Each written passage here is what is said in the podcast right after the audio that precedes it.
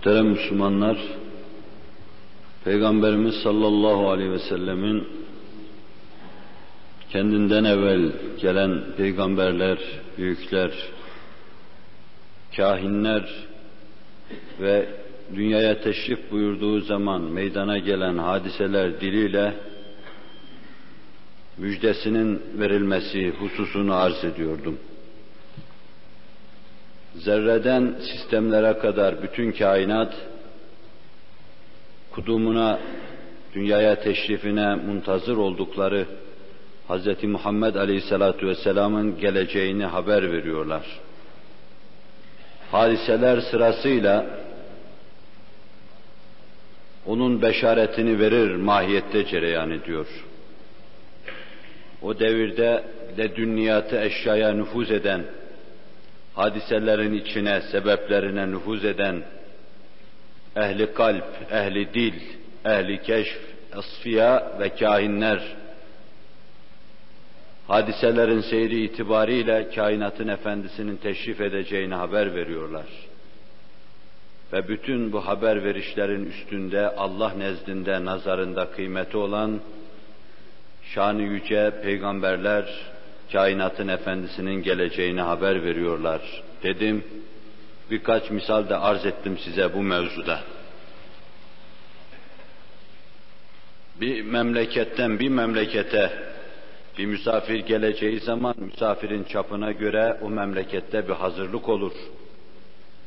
Memleketimize dış memleketlerden misafir geldiğinde direklere bayraklar asıyoruz. Ona hoş amedi ediyoruz. Ve o memleketle aramızdaki münasebetin köklülüğüne, derinliğine göre genciyle, ihtiyarıyla o adamı karşılıyoruz, istikbal ediyoruz. Şayet sevmiyorsak millet olarak devletler arasındaki münasebete göre protokol muktezası olarak bir hoş amedi yapılıyor. Reis-i Cumhur, Başbakan vesaire ziyafet veriyorlar, davet ediyorlar. Bu iki devlet arasındaki münasebetin iktizasına göre oluyor. İki devlet arasındaki hoş münasebetlerin devamı için gerekli sayılıyor. Dünyayı, ukvayı birbirine bağlayan, insanları melekut alemiyle olan ittisalini tarif eden, tavsif eden, insanlara insanca yaşamasını öğreten, ahiretle dünyanın en büyük rabıtasını getiren, insanları lahut alemine yükselten Hz. Muhammed Aleyhisselatü Vesselam dünyaya teşrif etmeden evvel edeceğini haber verecek elbette böyle çaplı çok büyük haberler olacaktır. Elbette bütün dikili şeylere onun adını ifade eden bayraklar asılacaktır. Elbette o gelmeden evvel onun için canlılar, cansızlar, insanlar, hayvanlar ona hoş amedi edeceklerdir. Elbette o gelmeden evvel onun geleceğini peygamberler haber vereceklerdir. Kahinler haber vereceklerdir. İşte kainatın efendisini, bütün kainatla alakadar olan, bütün kainata efendi olan, bütün peygamberlere sultan olan Hz. Muhammed Aleyhisselatü Vesselam bu manada böylesine çapıyla kainat tarafından kendisine hoş amedi edilmiştir. Ben bu mevzuda verilen beşaretlerin yüzlercesinden sadece iki üç tanesini arz ettim. Cenab-ı Hakk'ın inayet ve ihsanına istinad ederek bu derste de birkaç tanesini arz edeceğim.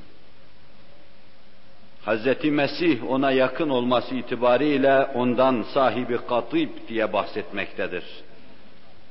Buna bir bakıma saltanatın asası diyebileceğimiz gibi aynı zamanda saltanat üzerinde devam edecek olan kılıç da diyebiliriz. Kainatın efendisinin bir bakıma hem dünyevi hükümranlığı vardır, hakimiyeti vardır. O noktayı nazardan katibe biz saltanat asası diyebiliriz. Bir yönüyle de kainatın efendisi cihada memurdur. Kılıç kullanmıştır. Kur'an'ın elmas bürhanlarıyla insanların gönlüne girdiği gibi gönül hayatı olmayan, ruh hayatı olmayan, kalbi hayatı olmayan, fikir hayatı olmayan kimselerin hayatına da kılıçla girivermiştir. Bu itibarla belki İncil'de Metta'nın, Yuhanna'nın İncil'inde 20 yerde ondan ma'ahu katibun ve ummetuhu hakeza şeklinde Arapça metinlerde bahisler vardır. O sahibi kadiptir, saltanat asası vardır veya saltanatının hükümranlığının devamı için kılıç vardır. Ümmeti de öyle olacaktır buyurmaktadır. Kainatın efendisine en yakın olması itibariyle en tonlu ve en çok sözü söyleyen Hz. İsa salavatullahi ve selamuhu ala nebiyyina ve aleyhim ecmain hazretleridir. Bu derste de inşallahü teala çok uzatmadan birkaç misal arz edip bir sonraki derste Mevla'nın inayetine dayanarak bu faslı da Allah dilerse bitirmeyi düşünüyorum inşallahü teala.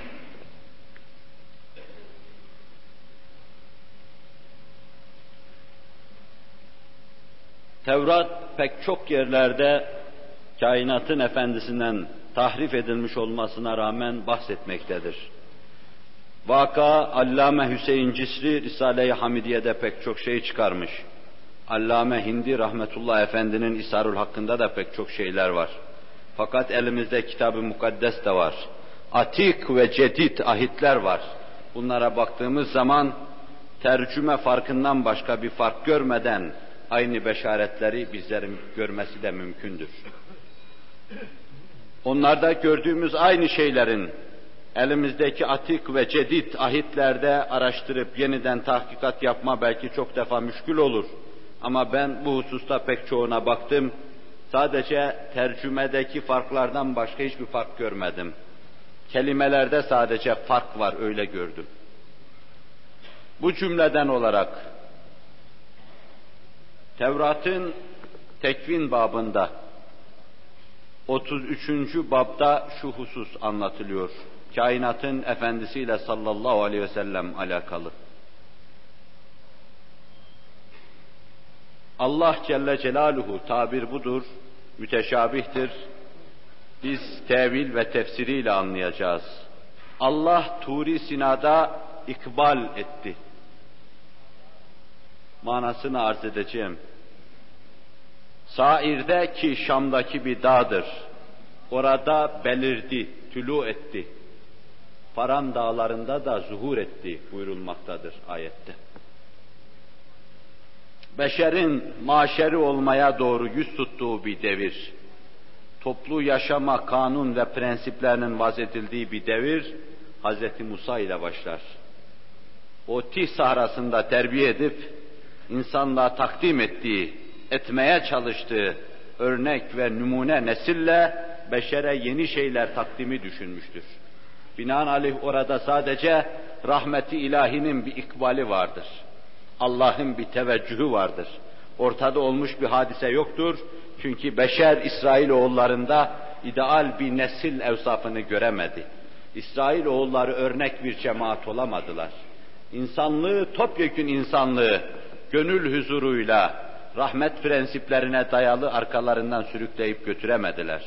Belki bazısını esir edip kapitalist yaptılar, bazısını yine esir edip komünist yaptılar, bazısını esir edip faşist yaptılar, bazısını esir edip burjuva esiri yaptılar, yaptılar. İnsanlığı birbiriyle boğuşturdular ve seyrettiler. Allah'ın kendilerine olan teveccühünü, rahmetini değerlendiremediler. Bunu Buhari ve Müslim'de, sahih hadislerde de ifadesini bulmuş görüyoruz. Onlar ölene kadar kendilerini yaratan Mevla-i Müteala kulluk yapmış ve sonra ellerindeki malzemeyi atmış, daha çalışmamış bir cemaattir. Bunu resul Ekrem ifade etmektedir. Bu hizmeti, çalışmayı ikindiye kadar Hristiyanlar devam ettirmiş, onlar da bırakmışlardır. Ondan öte kıyamete kadar bu hizmeti devam ettirecek, adına, sanına kainatın yaratıldığı Hz. Muhammed Aleyhisselatü Vesselam'ın ümmeti, onun şahsi manevisi olacaktır. Hz. Mesih'e sair dağlarında esasen bir tülü oluverdi. O çok açık seçik olarak kainatın fahrının müjdesini verdi. Temhidat yaptı. İslam'a geçiş için zemin hazırladı. Binaenaleyh bir şafak tülü içindeydi Hz. Mesih'in zuhur etmesi. Şafaktan sonra bir güneş doğacaktı. Onun için Faran dağlarında bu güneş zuhur etti. O Mekke oldu. Daha evvelki derslerde de Faran dağlarında İncil ve Tevrat'tan çok bahsedildiğini size arz etmiştim. Bu hususu yine Tevrat'ta Tekvin kitabında, Sifri Tekvin'de Hazreti İsmail'in ahvali bahsinde şöyle görüyoruz. Kitab-ı Mukaddes Cemiyeti'nin tercüme ettiği Atik Ahit'te görmekte mümkündür bunu. Hazreti İsmail'in ahvali bahsinde şöyle diyor. İsmail Berriye'de yetişti, gelişti, ok atacak hale geldi ve ondan sonra Faran dağlarına, Faran mıntıkasına yerleşti denmektedir. Katiyen bütün tarihi ekvam, dinler tarihi haber vermektedir ki Hz. İsmail Mekke'de yerleşti. Cürhum kabileleriyle orada temas oldu. Ve karışık Arap orada meydana geldi. Ve kainatın efendisinin sallallahu aleyhi ve sellem nesli emcedi orada birbirini takip etti. Faran Mekke'ydi tarih bize söylüyor. Hz. İsmail'in ömrünün son zamanlarını geçirdiği yerde Tekvin kitabında, Sifli Tekvin'de Faran dağları olduğu anlatılmak, anlatılmaktadır. Bundan anlaşılıyor ki Tevrat'ta ve İncil'de Faran dendiği an Hz. İsmail'in yerleştiği mıntıka kastediliyor. Ve bundan anlaşılıyor ki kainatın efendisi ahir zamanda zuhur edecek Faran dağlarında dendiği an Mekke dağları, Betha Vadisi, kainatın efendisinin köyünün ufukları kastedilmektedir. Bu iki meseleyi yan yana getirdiğimiz zaman Yahudinin de Hristiyanın da inkar edemeyeceği şekilde kainatın efendisinin tülüğünden bahsedilmektedir. Tevrat'ın 49. babında da şu husus ele alınıyor. Eski Rahmetullah Efendi'nin ve Allame Hüseyin Cisli'nin tercümelerinde şöyle deniyor bu babda. Ahir zamanda deniyor. Ben kitab-ı mukaddese baktım son zamanlarda tabirini kullanıyor. Ahir zamanda mübarek, hayırlı bir ümmet zuhur edecek. Hakka ibadet için mübarek dağları seçecekler. İbadet için seçtikleri yerlerden bir kısmı da mübarek dağlar olacak. Sıradan dağlar değil. Sıradan dağlar değil, zira zaviyelere, böyle ücra yerlere, insivalara çekilip de ibadet yapan Hindistan'da da vardır, Hristiyan aleminde de vardır, bizde de vardır. Maksut o değildir. Maksut belli, malum, maruf dağlardır ki ibadete tahsis edilmiştir. Bu hususa da dikkat edilirse ahir zamanda gelecek hayırlı bir ümmetten bahsedilmektedir. Kuntum hayre ummetin uhricet linnas. Siz ümmetlerin en hayırlısısınız. Emri bil maruf, nehy anil münker yapmak üzere ahir zamanda çıkarılacak, milletlerin yüzünü güldüreceksiniz sözüyle Kur'an bu ümmeti anlatmaktadır. Son zamanlarda bir ümmet çıkacak buyuruyor tekvinde. Bu ümmet ibadetü taat hususunda bir kısım dağlar ihtiyar edecek. Evvela biz kainatın efendisinin ruhani ve manevi hayatında dağların ibadete seçildiğini, ihtiyar edildiğini görüyoruz. Fakat bunun bir hususiyeti vardır. Kainatın efendisi Nur Dağı'nda, Hira Dağı'nda bir mağaraya çekiliyor. Orada hadiste Hazreti Ayşe'nin ifadesiyle tahannüs yapıyorlardı. Gece upuzun gecelerde Mevla-i Müteala ibadet yapıyorlardı. Günlerce orada kalıyorlardı. Tekrar azık tedariki yapıyor, tekrar dönüyorlardı ki bunu Buhari'de, Müslim'de vesaire bütün kitaplarda görmek mümkündür. Saniyen kainatın efendisi sallallahu aleyhi ve sellem Sevir mağarasında da kaldı, orada da bir tahannüs yaptı ama muvakkatti bu. Fakat alem şumul olması, hayırlı ümmet olan, bereketli ümmet olan, ümmeti Muhammed'in ibadet yapacağı yer olarak ele alınması düşünülecek olursa, farz bir ibadet olarak bu ümmeti Muhammed'in yaptığı Arafat Dağı kastedilmektedir. Burada çok dakik bir noktaya dahi dikkatinizi rica edeceğim. Muhtelif tercümelere baktım burada dağlar sözü kullanılmaktadır. Dağlar sözü.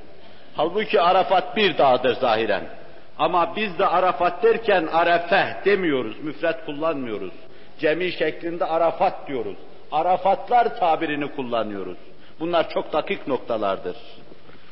Orada vakfe yapılacak yerler pek çok olduğundan hadisin inceliğini bize anlatanlar diyorlar ki, o mübarek dağın etrafında pek çok vakfeler yapıldığından, her taraf tamam, tamamen mevkif olduğundan, bütün o parçaların hepsine dağ deniyor, hepsi bir araya getiriliyor, dağlar deniyor. Tevrat da bize vakayı anlatırken dağlar diyor. Dağlar ibadet mahalli, tahannüs mahalli olarak seçilecek. Ve nafile ibadet maksut değildir burada. Ümmeti Muhammed'in hayırlı olmasına vesile olabilecek, onu mübarek, bereketli yapabilecek, hayatına bereket ilave edebilecek bir itaattır, bir taattır. Hayatlarında deruhte ettikleri ibadet vazifelerinin bir kısmını dağlarda yapacaklar. Sözü Arafat Dağı'nda yapılacak ibadetü taata bakmaktadır. Bu ümmete mahsustur. Tevrat ehlinin hayatında, İncil ehlinin hayatında, Zebur ehlinin hayatında, böylesine Arafat Dağı gibi dağın başına çıkıp orada vakfe yapma, orada bir gün bütün bir gün kalma, ondan sonra geçenin bir kısmını kalma ayrılma meselesi ümmeti merhumeye, hayırlı ümmete, ümmeti mübarekeye mahsustur. Cenab-ı Hak bu ibadetle, bu türlü ibadetle hayatına bereket kazandıranlardan eylesin bizler inşallahü teala. Bu nokta dahi dikkatle, teemmülle el alındığı zaman Hz. Muhammed Aleyhisselatu Vesselam'a hassasiyetle Tevrat'ta parmak basıldığını görüyoruz.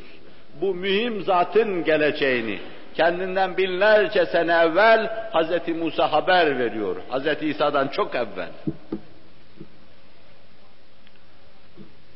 Mişail veya bir kısım nüshaların Mikail dedikleri, Kitab-ı Mukaddes Cemiyeti'nin tercüme ettiği kitapta da Mika peygamber diye bahsedilen, peygamberin kitabının dördüncü babında da şunları görüyoruz. Uzun boylu naklediyor bize. Bu kadar delaili, geçmiş kitaplardan bu kadar vesikaları zikretmeye ne lüzum var diye insanın aklına gelebilir. Kainatın efendisinin tekrar edeyim, peygamberliğinin çok muhkem, çok kuvvetli, binlerce payanda ile takviye edilmesine, tevhidin, vacibül vücudun varlığının takviye edilmesine muhtaç olduğumuz gibi muhtaç bulunuyoruz kainatın efendisine olan alaka, muhabbet, sevgi ve peygamberlik manasını kabul etme gönüllerden yıkıldığı andan itibaren içtimai, ailevi ve ferdi hayatımızla beraber yıkılmıştır. Bu milletin yeniden İslami manada hayata kavuşması, dirilmesi, var olması bekleniyorsa evvela kainatın efendisinin gönüllerde var olması, dirilmesi iktiza etmektedir. Onun için bin değil on binlerce payanda ile bu hususu arz etsem ben şahsen yine az sayacağım. Kusura bakmayın. Yüzlerce delailden ancak üçünü dördünü arz edeceğim. Tevrat şöyle dedi, İncil şöyle dedi. Ben bunlara baktım, kafama koydum, bazılarını unuttum, bazılarını arz ediyorum o kadar. Hepsi ondan ibaret. Başkaları söylemiş, çıkarmış, tespit etmiş, sadece yarım yamalak naklinden ibaret bir hususu bana düşüyor. Cenab-ı Hak samimiyet ve ihlas versin, gönüllerde Hz. Muhammed Aleyhisselatü Vesselam muhabbetinin meydana gelmesine vesile kılsın inşallahü teala. Kainatın efendisinden Mikail peygamber de, Mişail peygamber de bahsediyor. Halk ahir zamanda dördüncü babda bahsettiği şeyde Rabbin beytinin etrafındaki dağlara koşacaklar tabiri var. Varan dağları yerine, mübarek dağlar yerine Rabbin beytinin dağlarının etrafına koşacaklar tabiriyle bu hususu anlatmaktadır. Hayırlı bir cemaat Rabbin beytinin dağlarının etrafına koşacaktır. Biz tarihi edyanı tetkik ettiğimiz zaman ne Kutsi Şerife Beytullah dendiğini, ne Ravza-i Tahire'ye Beytullah dendiğini, ne de dünyada başka mukaddes bir eve Beytullah tabiri kullanıldığını bilmiyoruz. Beytullah tabiri Kur'an-ı Kerim'de geçtiği gibi, hadisi şeriflerde geçtiği gibi, Mescid-i Haram demenin yanı başında sadece Beytullah'a, Kabe-i Muazzama'ya denmektedir. Kabe-i Muazzama'nın etrafındaki tepelere, Bethan'ın tepelerine halkın ahir zamanda gitmesi, hicret etmesi, muhaceret etmesi, halkın toplanması, hususiyle hac mevsiminde içtima yapmaları, cemmi gafir halinde orada kendilerini göstermeleri yine ümmeti Muhammed'i anlatmakta ve Hz. Muhammed aleyhissalatu vesselam'ı anlatmaktadır. Bu cümleden olarak Zebur'un 72. babında da şu hususları görüyoruz. Hazreti Davud'a Allah tarafından indirilen kitap, o da kainatın efendisinin müjdesini ve beşaretini veriyor. O karalara ve denizlere malik olacak tabiriyle anlatıyor. Gelecek o muhteşem zatı. Hazreti Davud anlatıyor. Hazreti Davud'dan sonra karalara ve denizlere bir adam hakim olmuş mudur? Onu size arz edeceğim sonra. Şarktan garba sözü dinlenecektir sözüyle anlatıyor. Yemen ve Cezayir melikleri ona hediyeler gönderecektir sözüyle anlatılıyor.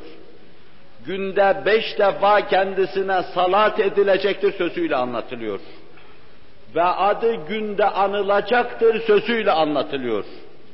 Ve Medine diyor isterse eski adıyla Yesrib kastedilsin, isterse yeni adıyla Medine-i Münevvere kastedilsin. Nuru Medine'de telellü edecek etrafa yayılacaktır sözüyle anlatılıyor. Bu sözleri arz ederken hiçbir kelime ilave etmedim size. Evvela bütün cihana hakim olacak, malik olacaktır deniyor. Biraz sonra Zebur'un başka bir ayetiyle bunu daha mufassal arz edeceğim. Kainatın efendisi küreye arzın kıtalarının dörtte üçüne hakim olmuştur. Bir zamanlar. Ta Java'dan, Malezya'dan alın da Avrupa'nın ortalarına kadar Amerika yoktu meydanda. Afrika baştan başa Anadolu Hz. Muhammed Aleyhisselatü Vesselam'ın manevi hakimiyeti altına geçmişti. Ama bu hakimiyet bazen Emevi şeklinde, bazen Abbasi şeklinde, bazen Endülüs şeklinde, bazen Osmanlı, bazen Selçuki şeklinde zuhur etmişti.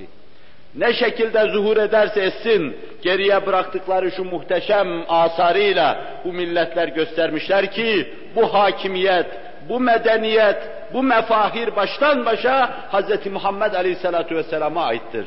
Her şey onun adına yapılmıştır.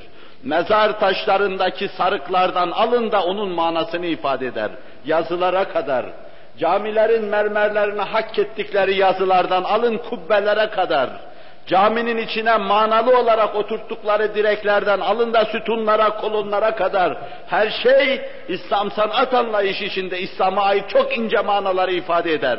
Ki bütün bu manalar Hz. Muhammed Aleyhisselatü Vesselam'a şehadet ve delalet etmektedir. Şu anda dahi bu cemaat mevcudiyetiyle Hz. Muhammed Aleyhisselatü Vesselam'ın şahididir. Allah onu da bize lehimizde şahit kılsın inşallahü teala. Şarttan garba kadar onun sözü dinlenecek. Biz bu devirde bunu pek bilemiyoruz. Fakat sadık ve doğru öten horozların, sadık tülü eden şafakların verasında Hz. Muhammed Aleyhisselatü Vesselam'ın eski devirlerde Osmanlı'nın ağzında, Selçuki'nin ağzında, Emevi'nin ağzında, Abbasi'nin ağzında duyulan gür sesinin yine duyulacağı kanaatindeyiz. Vahdet-i İslamiye bize böyle bir günün haberini vermektedir. Vahdet-i İslamiye ve bu mevzuda atılan adımlar, kafirleri kaçıran adımlar böyle bir müjdeyi vermektedir. Rahmeti ilahiden ümit ediyoruz bunu. Bizim ümitlerimizi kırmasın, ne ümit etmesin inşallah Teala. Şarktan garba güna gün onun sözü geçecek denmektedir. Osmanlı hareket ettiği zaman İngiliz'in ödü kopuyordu. Hindistan'ı işgal etmek istedikleri zaman benim eyaletimi nasıl işgal edersin diye hemen vapurları Hindistan'a gönderiverdi. Ve İngilizler çapulcular halinde kaçıverdiler. İşte o devirde Hz. Muhammed Aleyhisselatü Vesselam'ın adı, sanı ve hükümranlığı Osmanlı'nın ağzında gür sesiyle duyuluyordu. Şarttan garba sözü geçiyordu. Voltaire tarafından çok menhusça hazırlanan, onun hayatına ait bir piyes Fransa'da, İngiltere'de perdeye aksettirilmek istendiği an, hasta devlet dedikleri hasta devletin, Kızıl Sultan dedikleri çok muhteşem hükümdarı, o hakim, o muhteşem insan ultimatum çekiyordu onlara. Yine İngiliz korkuyordu, yine Fransız korkuyordu. O devletin hastasından dahi korkuyordu. Şarktan garba kainatın efendisinin sözü geçecek sözünü işte Osmanlı'nın o muhteşem devrinde, Abbasi'nin o muhteşem devrinde aramak, öyle hüküm vermek iktiza etmektedir. Yemen ve Cezayir melikler ona hediyeler gönderecek. Saadet asrından asrımıza kadar, bir asır öncesine kadar devletlerin nasıl atlarımızın üzengisini öptüğünü, nasıl bize hediyeler takdim ettiklerini, sarayın kadınlarıyla nasıl saraylarımıza geldiklerini bunu tarih yazıyor. Bu mevzuda söylenecek her sözü zait ve bir kısım efkarı idlal edebilecek meseleleri tasvir olacağından endişe ediyorum. Daha sonra yine Zebur'un bir ayetinde bu hususa temas edeceğim inşallah. Teala. Bir diğer hususta şu, kainatın efendisi günde beş defa anılacak, üzerine beş defa salat edilecek sözü söylenmektedir. Bu çok mühimdir. Günde beş defa ezan-ı Muhammed okunurken biz ezanların arkasından hemen kainatın efendisine dua ediyoruz. Makamı makamı Mahmud olması için Allah'a ilticada bulunuyoruz. Allahümme Rabbi hâzihi daveti tamme ve salatil kaime dikkat ediyor musunuz? Üzerine salat edilecek. آتِ سيدنا محمدا الوسيلة والفضيلة وابعثه مقاما محمودا الذي وعدته zayıf bir rivayette inneke la tukliful mi'ad. Görülüyor ki günde beş defa ezanı müteakip ve İmam Şafii Hazretlerinin mürsel olarak El-Üm kitabında rivayet ettiği bir hadiste kâmetten sonra dahi kainatın efendisine günde beş defa salat ediliyor. Ve her gün onun adı anılıyor. Binlerce ağız tarafından, cemmi gafirler tarafından, Küre-i arzın her tarafında, her vilayette yün yün cemaatler tarafından adı anılmaktadır ki Hz. Muhammed gibi sallallahu aleyhi ve sellem beşer tarihinde iştiyakla, gönül inşirahıyla adı anılan ikinci bir şahsı göstermek mümkün değildir. Ve nuru Medine'den zuhur edecektir. Sözü ap açık. İster bu bir şehirden zuhur edecektir olsun, ister medeniyetin mahalli bir yerden zuhur edecektir şeklinde olsun, isterse bizim anladığımız manada Medine-i Münevvere'den zuhur edecektir şeklinde olsun. Hz. Davud gibi büyük bir peygamber, kendinden sonra gelecek Nebiler Nebisinin müjdesinde, size burada söylediği ayette, doğrudan doğruya beşeri tenvir edecek nurun, Hz. Muhammed Aleyhisselatü Vesselam'ın kuracağı medeniyetin Medine'si olan Medine-i Münevvere'den zuhur edeceğini tevil götürmez şekilde açık ve seçik olarak anlatmaktadır. Zebur'un 45. babında birbirini takip eden kısa kısa ayetler içinde de şu hususları görüyoruz. Bunlar çeşitli dillere tercüme edilmiş. Ben daha ziyade Arapça metinlerde takibe çalıştım bunları. Pek çoklarını tay edecek, atlayacağım. Belki orada kainatın efendisinden haber veren kırka yakın ayet var. Bazılarını da nisyana müptelayım, unutup da arz edemeyeceğim. Ancak aklıma gelenleri size arz edeceğim. Birincisi Arapça metinlerde behi kelimesiyle anlatıyor o eftali mahlukat Hz. Muhammed Aleyhisselatü Vesselam zuhur edecek zat insanların en behisidir tabiriyle anlatmaktadır. Bu güzel demek değildir. Kainatın efendisi hem güzeldi hem de görkemli, gösterişli bir erkekte aranılan ali evsaf ile muttasıftı. Sadece kadına has bir güzellikle mevsuf, mevsufe değildi. O bir erkek güzelliği içindeydi. Onun için Arapça metinlere İbranice'den meseleyi alırken Hasan, Ahsen sözüyle anlatmıyorlar da behi kelimesiyle, ebha kelimesiyle bu meseleyi anlatıyorlar. Daha ziyade çok cazip, çok görkemli bir erkek sözüyle bunu anlatmaya çalışmış mütercimler. Zebur'da bu küçük ayet içinde bir bu husus anlatılıyor ki ashab-ı kiramdan yüzlerce zat buna şahittir. Ebu Hüreyre radıyallahu an hazretleri anlatırken ma ra'eytu ahsene şeyin veya ma ra'eytu şey'en ahsene minhu keenne şemse tecri fi vecihi ev kema kal. Ondan daha güzel bir şey görmedim, bir varlık görmedim. Sanki güneş yüzünde cereyan ediyordu. Tele'lü ediyordu, nur saçıyordu. Baktığın zaman pak, temiz nasiyesine doyma bilmezdin. Baktıkça içinden bakmak gelirdi sözüyle, aynen Zebur'daki ayeti teyit etmektedir.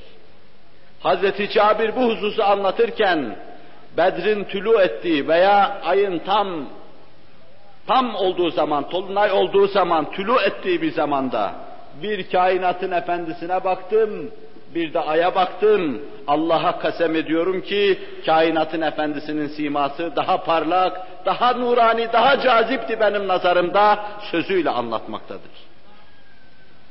Vakide hadiseler kainatın efendisinin Zebur'da anlatıldığı gibi hakikaten maddi manevi mükemmeliyete, güzelliğe, cazibedarlığa sahip bulunduğunu anlatmaktadır. İkinci husus onun için şöyle denmektedir orada. Küçük bir ayet içinde. O ile dehr sözüyle anlatılıyor. Kıyamete kadar, kıyamette dahi bereketli ve hayırlı olarak anılacaktır. Biz biliyoruz Kur'an-ı Kerim'de Allah Celle Celaluhu kemal azametle ve ma erselnake illa rahmeten lil alemin demektedir. Sen bütün alemlere rahmetsin sözüyle onu anlatmaktadır. Ve yine biz biliyoruz Sure-i Tevbe'nin sonunda Allah Celle Celaluhu لَقَدْ جَاءَكُمْ رَسُولٌ مِّنْ أَنْفُسِكُمْ Şanı yüce bir nebinin gelişini, tülü edişini bu ayetle tebcil ederek, takdir ederek anlatmaktadır. Onun izzetini, rauf ve rahim olduğunu, ümmetin kötülükleri karşısında daidar bulunduğunu, iyiliklerine karşı haişkar ve haris olduğunu, böylece kâmeti kıymetini arş-ı azama çıkmış şekilde karşımıza diktiğini Kur'an'ın ifadeleriyle görüyoruz. Kainatın efendisi hayırla yad edilecek bir insan olacaktır. Allah Resulü sallallahu aleyhi ve sellem kendi sahih hadisinde de şöyle buyurur. buyurur. Ana seyyidu beni Adem yevmel kıyame la fahre li. Ben kıyamet günü Hazreti Adem evlatlarının efendisiyim ama bunu bir gurur olsun diye anlatmıyorum. Herkes nefsi nefsi dediği an, ümmeti ümmeti diyen bir insan, Beni Adem'in en hayırlısıdır. İnsanlığın iftihar tablosudur. Herkesin nefsini düşündüğü zamda diğer gamlıkla, başkalarını düşünme aşkıyla, iştiyakıyla, Miraç'ta dahi cennetin güzellikleri gözünü kamaştırmayan, ümmetinin içine dönen Hz. Muhammed Aleyhisselatü Vesselam o kadar büyüktür ki, bütün büyüklükler onun yanında derin bir kuyu gibi kalır. Onun için Zebur bu hususu anlatırken, o en büyük, en hayırlı, en bereketli insan olarak kıyamete kadar anılacaktır. Burada ayrı bir noktaya dahi dikkat çekilmiştir. Evvela Hazreti Davud'dan sonra maddi manevi böyle bir ihtişam içinde zuhur eden bir peygamber olmamıştır. Saniyen kainatın efendisi zuhur ettikten sonra fermanı, sözü kıyamete kadar devam edecektir. Onunla kıyamet arasında ikinci bir şahıs zuhur etmeyecektir. Peygamberlik manzumesi sona erecektir. Kafiye gibi hükmü sonunda gelecektir. Bu şiir bitecektir artık. Ondan sonra yapacaklar sadece o şiirin tefsirini yapacaklar. O büyük manayı, muammayı anlatmaya çalışacaklardır. İşte Hazreti Davud bu hususa da parmak basmakta, Hatemün Nebi olduğunu anlatmaktadır. Arkasından onun için hemen gayipten hitaba iltifat ederek Belaattaki nüktesiyle ona şöyle demektedir. Sen ey güzel insan, kılıcını beline kuşan demektedir. Yine Zebur'un küçük bir ayet içinde. Hz. İsa Allah'ın selatü ve selamı kainatın efendisine ve onun üzerine olsun. O kılıçla, maddi cihatla memur değildi. Kılıcını beline kuşan sözü Hz. Muhammed Aleyhisselatü Vesselam'a bakmaktadır. Sözü Hz. Davud dahi söylese, Hz. Davud'dan kainatın efendisine gelinceye kadar hiçbir peygamber buna muhatap olamamıştır. Allah Resulü sallallahu aleyhi ve sellem Ene Resulullahi bis seyf buyurmaktadır. Ben Allah'ın Resulüyüm ama kılıçlı Resulüyüm demektedir. Ve İslam'daki cihat bu mevzuda maddi manevi cihat. Kur'an hakaikinin anlatılması, iktiza ettiği zaman kılıçlarla, ordularla küffarın karşısına çıkılması ümmeti Muhammed'in masariyetidir sadece. Sadece ve sadece. İnsan öldürmenin cihatta fazilet olması, gazilik ve şehitlik meselesi en âli şekilde, diğerlerinde olsa bile en âli şekilde İslam dininde anlatılmakta, ayetlerde tonunu bulmakta, hadislerde tam manasıyla ifade edilmektedir. Onun için Hz. Davud bu hakkata parmak basarak Zebur'da kainatın efendisine kılıçlı peygamber tabirini kullanmaktadır. Sen ey güzel insan, iç güzelliğiyle beraber kılıcını da takın demektedir. Vaka burada bir şey var. Senin gibi halim, selim, reuf, rahim bir insan. Belki insanların öldürülmesi senin gönlüne hoş gelmez ama güzelliğinle beraber kılıcı takın denmektedir. İçteki derinliğinle beraber, his alemindeki genişliğinle beraber dışa karşı kılıcını da kullan, sözüyle ona hitap edilmektedir. Ve arkadan hemen bir ayette de, küçük bir ayette yine Zebur'da şu hususu görüyoruz. Ona Hazreti Davud'un diliyle Allah Celle Celaluhu şöyle sesleniyor, ahir zamanda zuhur edecek zata. Dünyanın bütün meliklerinin kızları, pek çoğu ona hizmet edeceklerdir. Bu sözü daha saadet asrında, nur asrında görüyoruz. Hazreti Hasan radıyallahu anh hazretleri ilk defa İran hükümdarlarından birinin Yezdicerd'in kızını aldı. Şah Banu'yu almak suretiyle kainatın efendisini tasdik etti. Dünya devletleri, dünya milletleri, meliklerinin kızları, Yemen'in, Cezayir'in, İran'ın, Roma'nın kızları, ümmeti Muhammed sallallahu aleyhi ve sellem Resul-i Ekrem'in ahfadına, evladına ve ümmetine hizmet edeceklerini Zebur ayetinde işaret ediyor. Bu mesele o günden bugüne kadar devam ede geldi. Yıldırım Bayezid bu meseleyi Olivera despotayı Roma'dan almak suretiyle tasdik etti. İkinci Murat Fatih'e bir analık almak suretiyle bu meseleyi teyit etti. Dünya hükümdarları kızlarını Müslümanlara verdiler bir siyaset olarak. Müslümanlar da onları bir siyaset olarak aldılar. Bu mevzuda ahmakça değildi. Gavur kadınların ahmakça saraya sokmak değildi. Onlar da bu mevzuda biliyorlardı. Bu bir bakıma jeopolitik bir savaş, savaştı. Bunun için yaptılar. Allah Resulü'nü da tasdik ettiler sallallahu aleyhi ve sellem. Allah Resulü'nün nübüvvetine imza bastılar. Hazreti Davud ise burada söylemişti, tahakkuk edecekti. Ve yine Zebur'un hemen bundan sonraki bir ayetinde de şu sözü görüyoruz. Dünya milletleri ve devletleri onun hakimiyeti altına girecektir. Çok açık olarak o zatın Hazreti Davud'dan sonra muhteşem idaresiyle, dirayetiyle, hakimiyet ve saltanatıyla dünya devlet ve milletlerini hükümranlığı altına alan herhangi bir peygamber bilmiyoruz. Ne Hazreti Zekeriya, ne Hazreti Yahya, ne Daniel aleyhisselam, ne Eskiyal aleyhisselam, ne Eşmiyal aleyhisselam hiçbirisi Hazreti Muhammed aleyhisselatu vesselamın bu mazhariyetini gösterememişlerdir. Kur'an-ı Kerim huvellezî ersele rasûlehu bil huda ve dinil hak liyuzhirehu aled-dini kulli ve kafa billahi şehida. Başka bir ayette bu hususu yine aynen anlattıktan sonra وَلَوْ كَرِهَ الْمُشْرِكُونَ sözüyle fezleke yapmaktadır. O Allah ki şanı yüce peygamberini bütün insanlığa gösterdi, gönderdi, irsal etti. O büyük, muhteşem, alem şumul bir dinle zuhur etti. Allah Celle Celaluhu böyle murat buyurmuştu. Onun getirdiği din bütün dinlere galebe çalacaktı. Hristiyan, Sasani onun hakimiyeti altına girecekti. Kur'an-ı Kerim nasıl anlatıyor bu hususları? Zebur, ahir zaman peygamberinin evsafı olarak aynı hususlara parmak basmaktadır.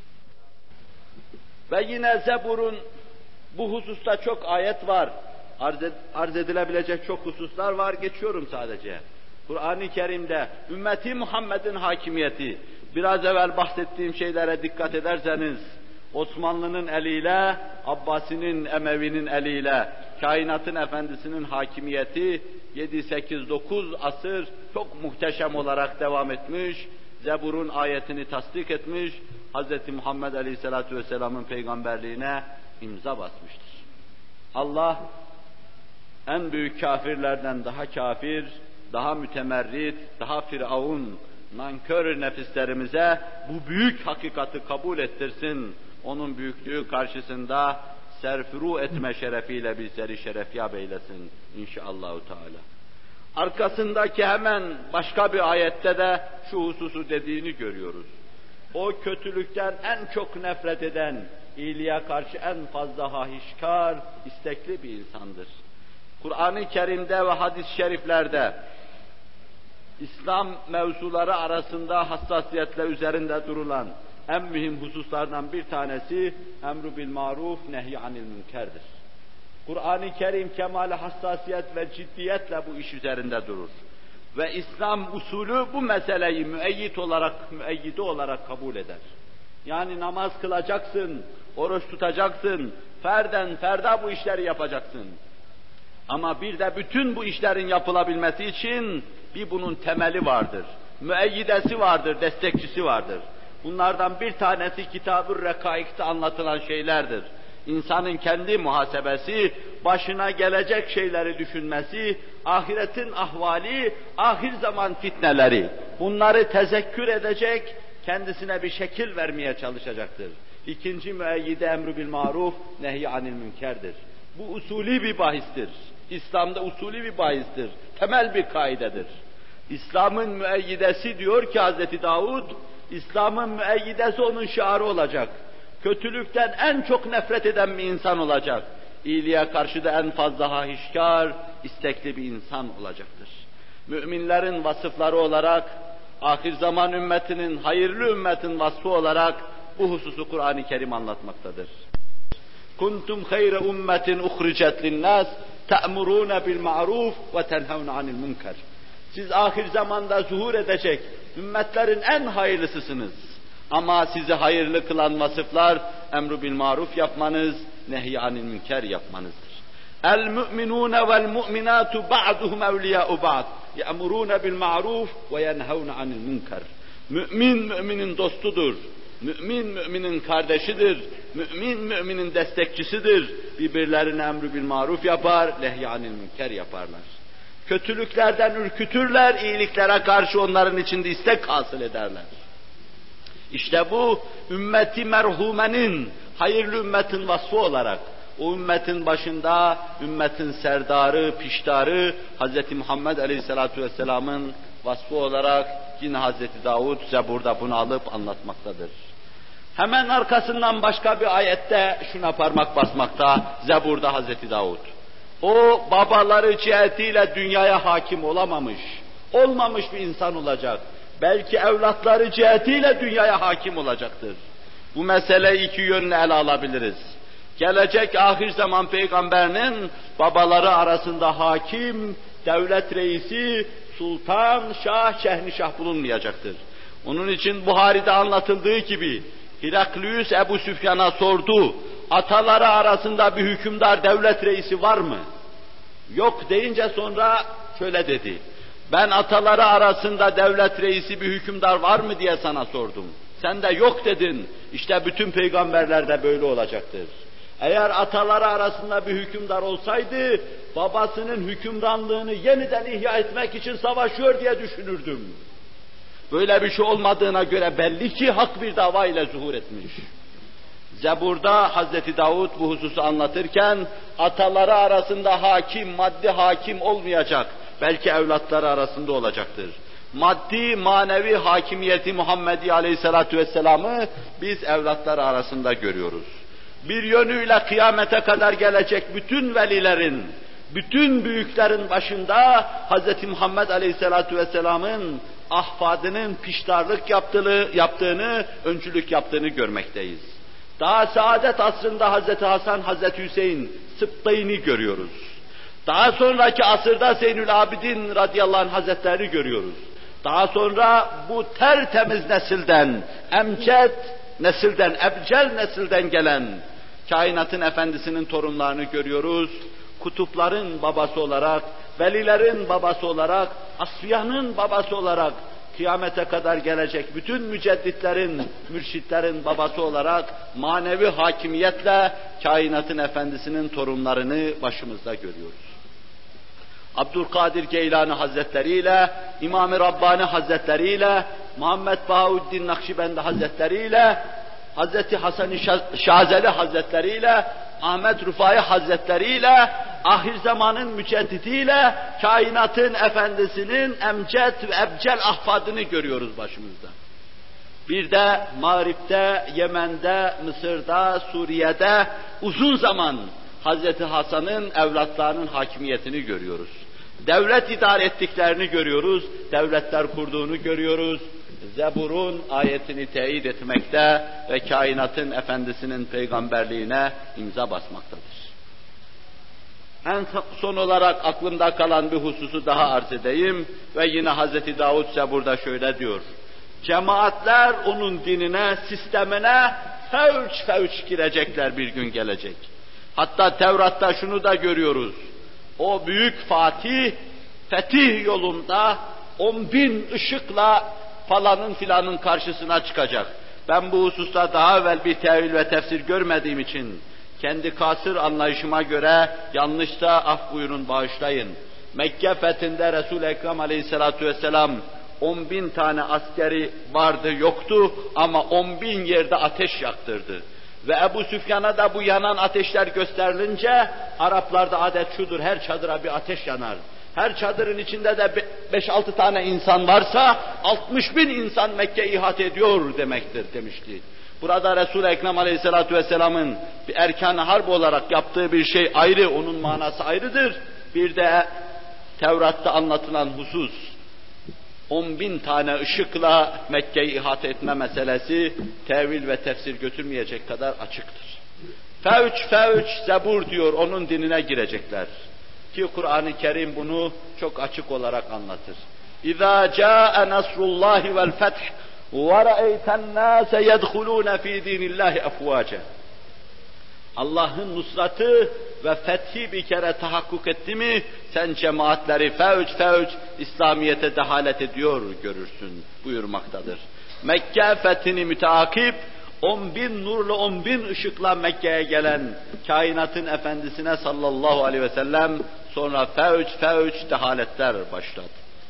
Şu anda da inşallahü teala İslam'ı ruhuyla gösterebilecek bir cemaatin zuhurunu müteakip ki emareleri, belirtileri kendi çapına göre kendisini göstermektedir.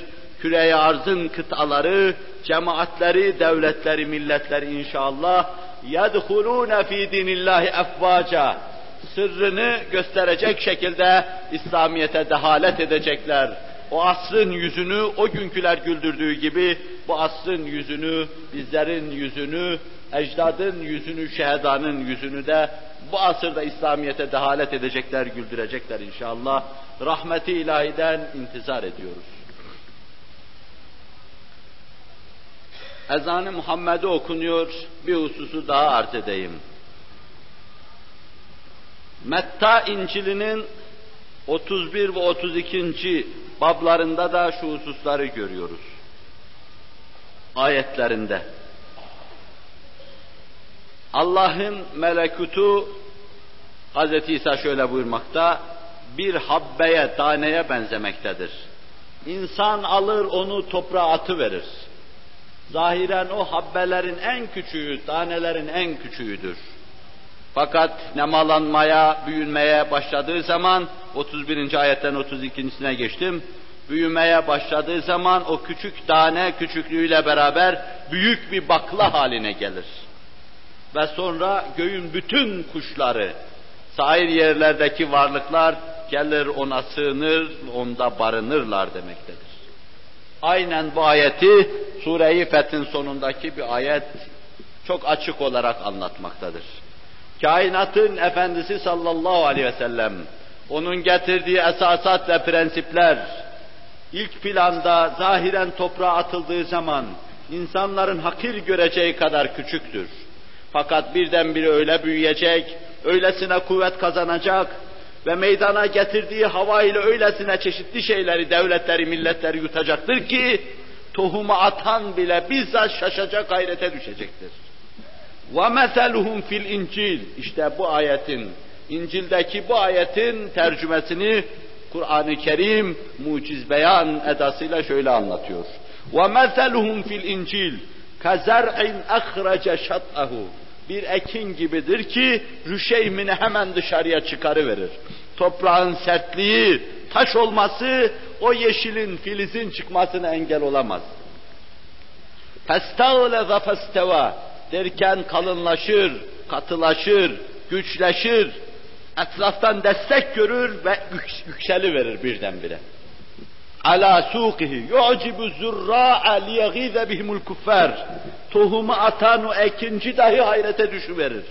Bu kadarcık tohum nasıl bu sert tabakayı deliverdi, nasıl yüze çıkıverdi, nasıl etrafın yıkıcılığı karşısında kuvvet kazanıverdi, nasıl semalara doğru ser çekiverdi diye o da taaccüp eder.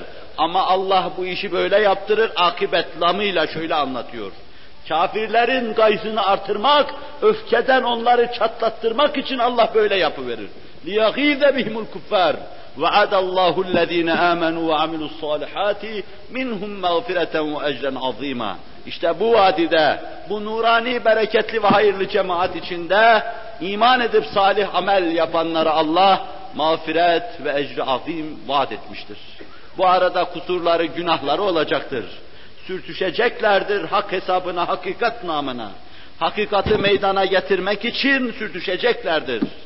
Hak ve hakikat hesabın olduğu için bu sürtüşmelerden hasıl olan günahları da Allah mağfiret edecektir buyurmaktadır. İncil'in ayetiyle Kur'an-ı Muhsul Beyan'ın okuma bilmeyen, yazma bilmeyen Nebisi, Nebi ümmisinin ağzından duyduğumuz ifadeler arasında tıpatıp bir ayniyet müşahede etmekteyiz. Aynı menbaadan geldiği için, aynı menbaadan kaynadığı için, aynı hakikate tercüman olduğu için Allahu Teala ve Tekaddes Hazretleri bizleri hakikati uzmaya ulaştırsın, irşat buyursun, kainatın efendisinin yolunda kaim ve daim eylesin. Lillahi Teala'l-Fatiha. Muhterem Müslümanlar, bir misafire gösterilecek alaka, Müslüman, çok defa onun büyüklüğü, kıymeti, değeri, gönlümüzdeki yeri nispetinde olur. Şayet aziz birisi ise daha gelmeden evvel ciddi hazırlıklara başlarız. Evimizi iyice gözden geçirir, ev halkına bir talim ve terbiye veririz. İstikbal etmenin adat ve erkanını öğretiriz. Halk diliyle ifade edeyim, ot kırmamak için evdeki halk lazım gelen her şeyi yaparız. O misafir geldikten sonra beşaşetli bir şehreyle, gönül inşirahıyla onu karşılarız. Bütün ev halkının rahatını heder ederiz. Bütün bir gece onunla meşgul olmaya çalışırız. Şayet gönlümüzde değilse, içimize girmemişse, ev halkı olarak sevmiyorsak ona göre alaka gösterir, ona göre ihtimam gösterir. Hatta bazı davranışlarımızda içimizde durmamasını, gelmiş biliyorsa bir daha gelmemesini ifade edecek davranışlarda bulunur, geldiğine geleceğine bir pişman ederiz. Kalbi alakamız, İslam isteklerimiz, davranışlarımıza tesir eder. Sevdiklerimize, bize misafir gelenlere, gönlümüze taht kuranlara, alaka fiilimizle, davranışlarımızla kendisini gösterir. Bu meseleyi bilenler bilirler. Kainatın efendisi dünyaya teşrif edince onu kâmeti kıymetine uygun bilenler istikbal ettiler. O gelmeden evvel, kendinden evvel gelenler onun geleceğini müjde haberlediler. Büyüklüğü mevzuunda halkı ikaz ettiler, tembih ettiler. Gelecek doğacak bu büyük nurdan azamı derecede istifade etmeye çalışın dediler. Gözünüzle beraber, kalbinizi, kalbinizle beraber bütün hissiyatınızı uyanık tutun dediler. Vücudunuzun hiçbir parçası, hiçbir hücresi, hiçbir fakültesi bir dakika gaflet içinde kalmasın, uzaktan nasıl istifade edilmesi lazım geliyorsa öyle istifade edin dediler. Basiretli olan kimseler, ona uzaklık ve yakınlık demeden ondan istifade etmeye çalıştılar.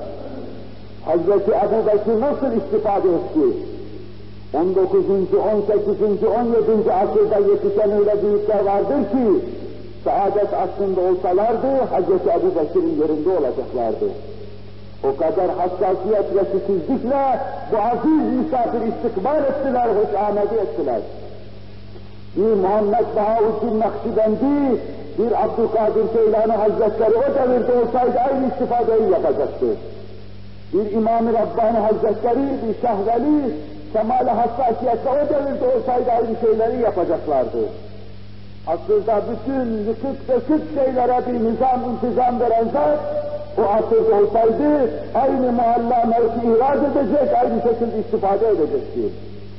Demek ki zamanların hail ve perde olması çok o kadar da mani değil. Hangi devirde insan o büyük insanın kâmeti kıymetine uygun kavrarsa yolunda olacak, yoluna hüsnükan edecektir. Hz. İsa bir bakıma Hristiyan onu yanlış anlatır. İnsanlığın günahı için kendisini feda etmiş. Hz. Adem'in günahının kurbanı ve gelecek Hristiyanların günahlarının kefareti olarak kendini feda etmiş zanneder. Halbuki kendi ifadeleri içinde Hz. Mesih'i ele aldığınız zaman değişik şekilde karşımıza çıkmaktadır. O kendi film üzerine Yuhanna İncil'inin 16. ayetinde şöyledir. Ben size çok mühim bir şey haber söylüyorum. Hayırlı bir haber söylüyorum. Hayırlı haber ki bundan daha hayırlı haber duymamışsınızdır. Benim gitmem gerekiyor. Çünkü bir yerde tamir olmaz. Gitmem gerekiyor para gelsin diye. Ben gitmezsem o gelmeyecek. Giderim de